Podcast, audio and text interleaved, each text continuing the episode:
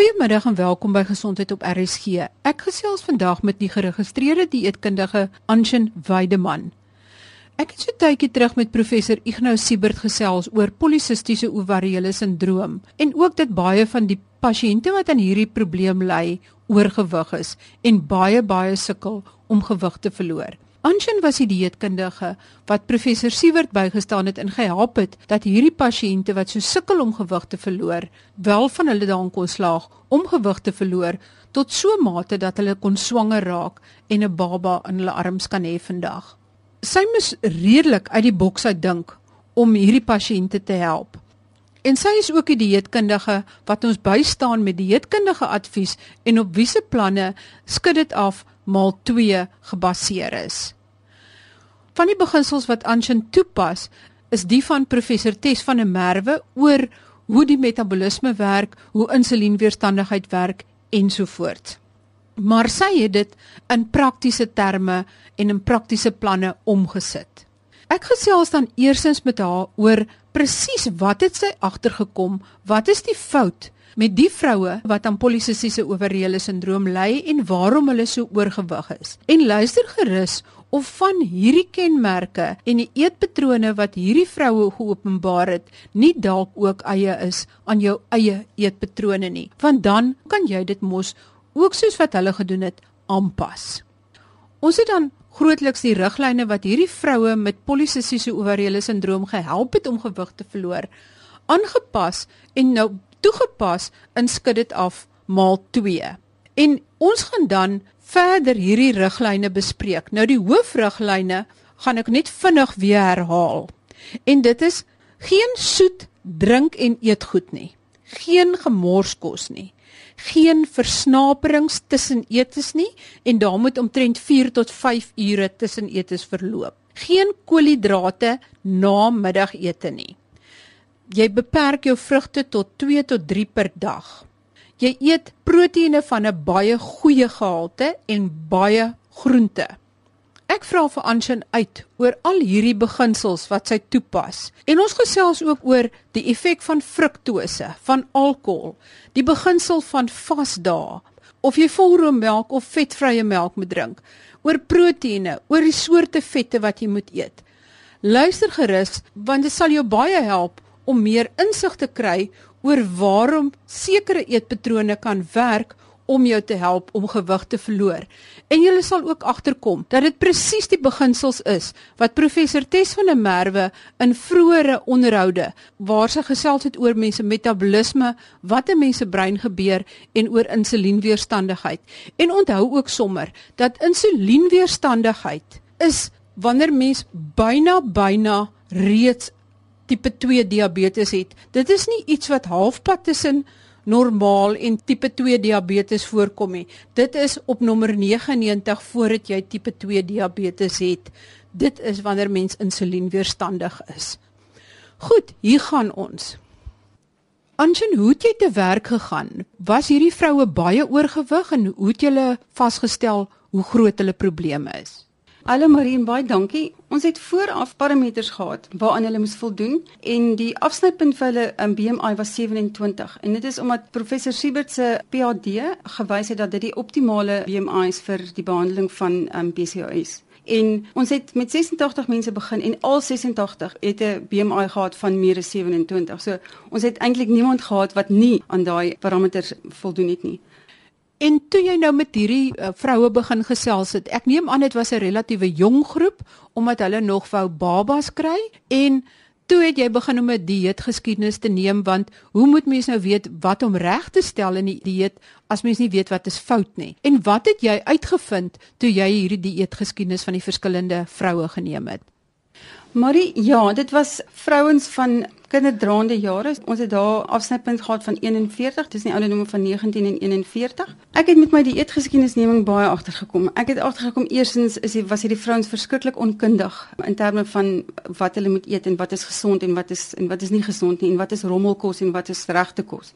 Tweedens het ons ook agtergekom dat ons hulle te oppervlakkig ondervra, dat ons hulle baie meer dieper moet ondervra. Met ander woorde, julle moes baie meer in diepte inligting kry oor presies wat hulle eet, hoe hulle eet. En wat het julle toe vasgestel? Wat doen hulle verkeerd? Dit was baie belangrik dat ons eers die eetgeskiedenis neem want 'n mens kan nie vir hierdie mense koud inligting gooi nie want hulle verstaan nie hoekom nie. Daarom moes ons eers kyk wat het hulle gedoen tot en met nou en waar het hulle slaggate gelê? Waar kon ons hulle reghelp? Wat ons agtergekom het is dat hierdie mense ontsettend baie rommelkos geëet het, verskriklik baie en verskriklik baie takeaway kos. En so hulle transvetinname was ongelooflik hoog.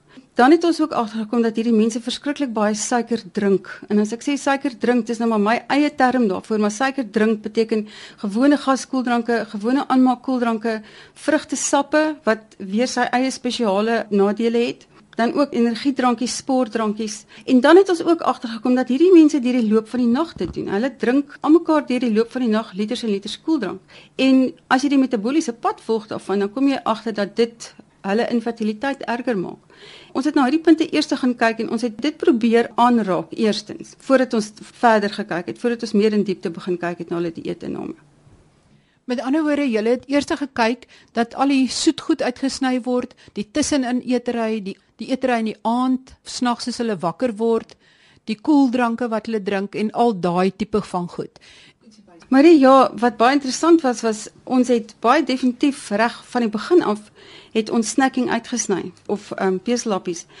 Ons het ook peselappies uitgehaal laat aand en wat ons resultate vir ons gewys het agterna was dat hierdie mense baie sleg geslaap het. En die wat sleg geslaap het het ook gerapporteer dat hulle deur die loop van die nag eet. En daai mense het baie sleg gewig verloor of hulle het gedrop out hulle het net nie teruggekom nie. So ons weet dat laat aand snacking en om deur die nag te eet baie 'n um, slegte voorspelwaardes is vir latere gewigsverlies So die wat in die aand laat aand rondloop in die huis en eet, kan maar weet hulle gaan baie sukkel om gewig te verloor. Die ander iets wat jy vir my vertel het, wat 'n probleem was, is die hoë inname van transvette. Nou waar kry mens dan transvette? Transvette is in ons dieet ingebring in 1911 deur die um, voorstelling van margarien. Dis nie meer die hoofbron daarvan nie, maar dit dit is 'n mensgemaakte vet wat gemaak word om spesifieke eienskappe. Dit proe op 'n sekere manier, dit rook op 'n sekere vlak, dit hoef nie verkoel te word nie. Dit hou wanneer daar kos in 'n wrapper is. Dit het 'n baie goeie houwaarde wanneer um, kos verpak word. En dan ook kom dit in die meeste of ek wil amper sê alle fast food outlets het sy eie transvet wat hom sy eie smaak gee en sy eie geur gee en sy eie tipiese identiteit gee kry mense dit nog steeds of het die wetgewing of die regulasies al gehelp dat daar minder transvette in kosse is? Ja, daar het baie wetgewing al in plek getree wat vir al die margarine moes baie afskaal. Hulle moes die prosesse verander hoe hulle die vet produseer en ook daar sekere riglyne dat as 'n produk meer as 0.5 gram transvet per 100 gram het, dan mag hy nie verskyn nie. Die World Health Organization sê vir ons dat transvet so sleg dat ons moet niks daarvan inneem nie. Maar ons daaglikse inname kan tot en met so 2 gram wees voordat daar regtig baie nadeel begin plaasvind. Hoeveel gram transvet per dag het die groep wat jy hanteer het ingekry gemiddeld? Weet jy, ek het nou nie dit berekenaar uitgewerk nie, maar al wat ek vir jou kan sê is hulle het amper deurgangs elkeen 3 maal op 'n dag transvet ingeneem. En selfs meer as dit want dit was in al hulle maaltye dit was in al hulle snacks. Hulle het vreeslik baie gekos stafies en sjokolade en vetbevattende kos geëet en verskriklik baie takeaways. Ek, ek kan nie vir sê hoeveel nie ek kan net vir jou sê baie. Baie meer as 2 gram So om van transvette af weg te bly, moet mens beslis sny aan kitskosse wat in vet gebraai is en jy moet sny aan verpakte koekies en sulke produkte, pastries en pastye. En ek wil amper sê donuts en goed wat in die bakkery deur 'n bakproses gegaan het en wat vet bevat. Dan wil ek net by sê dat transvet het 'n baie groot anovulatoriese effek en dit is hoekom ons so erg gekyk het na die transvetinname van hierdie vrouens met PCOS. En wat van die suiwelinname vir mense met uh, polisistiese ovariële sindroom? Maar die eerstens mens sny dit definitief nie uit nie. Dit is 'n baie baie baie belangrike voedingsgroep. Dan is dit baie belangrik vir die kalsium vir die mammies of hierdie vrouens wat dan nou wil mammies wees. Dan derdens is daar 'n internasionale aanbeveling dat wanneer 'n mens PCOS het, dat jy volroommelk gebruik en nie afgeroomde melk nie. Die rede daarvan is is 'n klein bietjie duister. Daar word gedink dat om melk af te room laat meer van die hormone agter en om die melk volroom te laat is nie so nie, maar dit is 'n internasionale riglyn dat mense met PCOS volroom melk gebruik en nie afgeroomde melk nie. En dan wil ek vir jou 'n paar vrae vra oor jou sienings algemeen oor sekere kossoorte en mense wat baie oorgewig is. Goed, die eerste punt is is dat peselhappies tussenin is uit. Dan het jy gesê dit is baie belangrik dat mense wat oorgewig is om gewig wil verloor en spesifiek in jou groep ook dat hulle nie stuisel in die aand moet eet nie. Wat is die wetenskaplike denke daar agter? Dis 'n goeie vraag Marie. Daar's nie regtig wetenskaplike denke nie. Dis net dit is 'n baie goeie riglyn om stuiselsaans uit te haal want stysel dien as 'n draer vir baie ander voedingsstowwe. Stysel dien as 'n draer van versadigde vet, van nog suiker, van baie dinge. So wanneer jy dink aan aan 'n aandete, dan kan 'n mens maar altyd dink dat daar's aardappels by of daar's rys by. As jy die stysel deel uithaal, dan maak jy die effek van daai hele maaltyd minder en jy verlaag sy energiewaarde en dit word 'n ligter maaltyd. Dan het jy ook gesê ons moet vrugte as 'n versnapering of as 'n 'n lekkerny beskou en nie oorboord gaan daarmee nie, maar dat 2 tot 3 vrugte soos vars soos wat jy dit van die boom af pluk word aanbeveel. Kan jy vir ons bietjie meer verduidelik oor die verskil tussen fruktose, die soort suiker wat meer in vrugte voorkom en ander, ek wil amper sê gewone suiker? Marie, ons kry twee soorte suiker in tafelsuiker. Daar's glikose en ons fruktose en ons 50% van beide. En dis die fruktose gedeelte wat deur die lewer gaan voordat dit enigiets doen. En hy volg 'n baie ongereguleerde pad deur die lewer wat baie soos alkohol is nogal. Dit is 'n baie lipogeniese pad. So dis 'n baie vetvormende pad. Die navorsing wys vir ons dat as 'n mens meer as soos 21 tot 25 gram inneem daagliks, dan vind daar lewervervetting en verhoogde cholesterol en en sulke dinge plaas. En 'n mens se middellyf groei baie maklik onder 'n fruktose oorlading. 'n Mens wil dit nooit hê nie. En dat daar's metabooliese implikasies met 'n fruktose oorlading en met PCOS. So jy wil daar spesifiek nie 'n oorlading hê nie. En as jy 3 van enige vrugte saamsit, dan oorskry jy nooit eintlik 25 gram nie. Jy kan byvoorbeeld 1 piesang en 1 appel en 1 lemoen en as jy hulle fruktose inhoud saamtel, dan sal dit nie meer as 25 gram wees nie. As jy 1 kiwi vrug en 'n handvol druiwe en wat anders nog vat, dan sal dit ook nie meer as 25 gram wees nie. So dis maar waar die riglyn vandaan kom soos wat vir meer fruktose dan eintlik byna vetvormend is, kan mens sê. Wat van die metabolisme van alkohol gaan dit ook alles deur die lewer? Jy sien maar die alkohol is eintlik maar 'n toksien. So alkohol moet eers gedetoksifiseer word voordat dit kan gebruik word, maar omdat dit nie gestoor kan word nie, moet dit dadelik gebruik word. So ek wil eintlik sê alles anders staan intussen stil. So jy verbruik eers die energie wat die alkohol vir jou gee voordat jy jou eie gestoorde energie gebruik, soos byvoorbeeld vet. En so hoe meer alkohol jy drink, hoe meer energie is daar om eers te gebruik voordat jy jou eie energiestore kan uitkom. Dit is die vetmaak effek van alkohol. Het dit 'n groter invloed op die insulienwaardes of nie eintlik nie?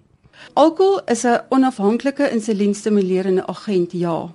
So, ek sê altyd vir my pasiënte asseblief, as jy wil alkohol drink, probeer dit met so suikervry as moontlik te doen en moenie moenie met intensie alkohol en suiker meng nie. Byvoorbeeld, moenie brandewyn en koeldrank drink nie. Moenie moenie enige vorm van alkohol saam met vrugtesap drink nie. Drink dit saam met 'n dieetkoeldrank of drink dit saam met 'n zero koeldrank, maar moenie alkohol meng met suiker nie.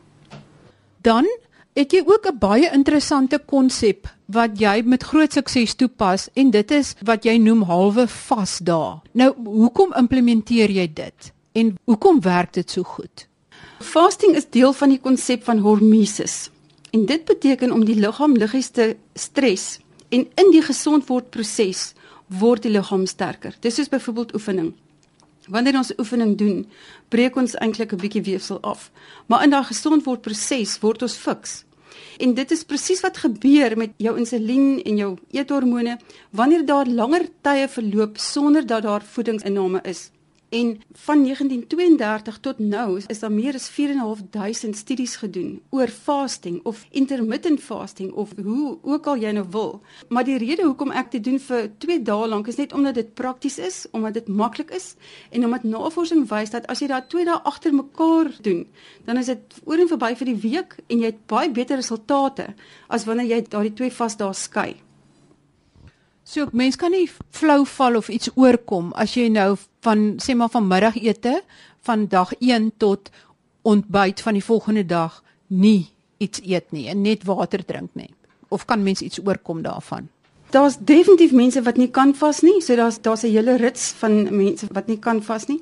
Maar nee, daar gaan niks met jou gebeur nie. Die menslike liggaam het baie kompensatoriese meganismes wat lankal sal intree wanneer jou suiker daal. Jy sal in jou suikerstore ingaan. Jy sal ander weefsel afbreek om 'n bietjie suiker te maak, maar jy gaan definitief nie omval of duiselig word of iets gaan met jou gebeur in daai 16 uur vastydperk as jy 'n gesonde persoon is nie.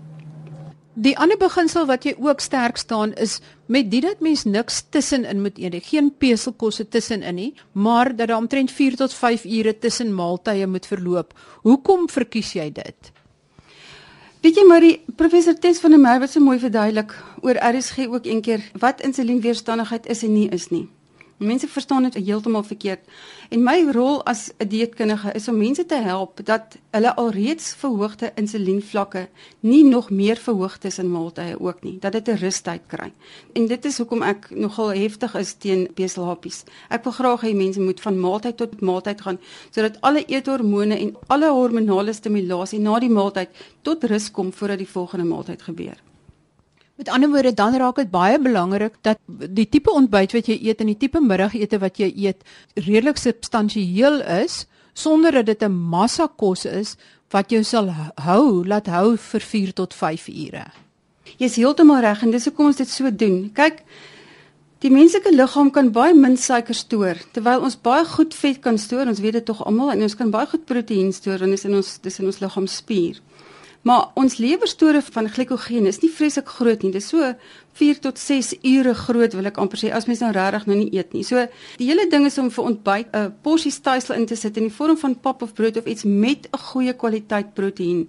Proteïen is baie baie bekend vir sy verlagende effek op GI en dan nou weer dieselfde vir 'n middagete. En dan deur stysel te eet vir ontbyt en middagete, vul jy dan nou so jou lewerglikose store aan en jy hoef dit nie weer te doen saans nie. Jy kan weer môreoggend begin wanneer die dag weer begin nou dat jy praat van laag GI. Jy het gesê nie alle laag GI kosse het 'n lae insulien stimulerende effek nie. Kan jy een of twee voorbeelde vir ons noem? Marie se 20 jaar nadat die GI aan ons bekend gestel was deur 'n navorser met die naam van um, David Jenkins in 1981, het 'n Australiese um, dieetkundige gaan kyk wat is die insulien indeks van um, laer GI voedsels. En wat sy gevind het was dat nie alle voedsels wat 'n lae GI het, het noodwendig 'n lae insulienindeks nie. Een van die grootste voorbeelde was bone, droë bone weet is ons nou so geleer, het 'n lae GI, maar bone het nie 'n lae insulienindeks nie, hulle het 'n baie hoë insulienindeks.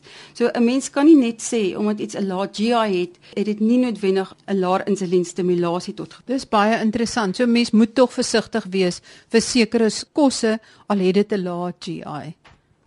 As iemand dan nou erg oorgewig is en gewig wil verloor. Ons het nou gesels oor die koolhidrate, maar wat van die proteïene? Hoe daar gemaak? Is daar sekere beperkings van goed wat mens nie mag eet nie of moet mens juis 'n klein bietjie meer proteïene inneem omdat mens nou minder stysel inneem? Maar ek sou sê ja. In my totale dieetinname vir 'n dag sal ek proteïen so tot 40% laat um, klim. Dit is bekend vir sy versadigingswaarde, so dit help jou baie makliker rek tussen jou maaltye en dan ook is dit baie bekend vir sy insulienverlagingswaarde na maaltyd. Maar dan moet dit hoë kwaliteit proteïen wees. Dit moet van diere oorsprong wees. Dit moenie van plant oorsprong wees soos byvoorbeeld boontjies en en lensies nie. Dit moet vleisprodukte of suiwelprodukte of eierprodukte wees. Dan het dit 'n baie hoë biologiese waarde en dan is die effek daarvan groter. En nie so seer geprosesseerde vleisprodukte nie, soos bully beef of so nie. Dit dit sal ek in die tweede konsultasie altyd met my pasiënt aanraak, maar ja, die, uh nee. Dan wat van vette? Beveel jy mense aan om sekere vette te sny? Ons het nou gepraat oor die transvette. Maar sê jy vir hulle hulle moet minder vette eet of meer vette? Hoe maak jy? Maar jy weet jy internasionaal het niks nog verander met betrekking tot die aanbevelings van vetinname nie.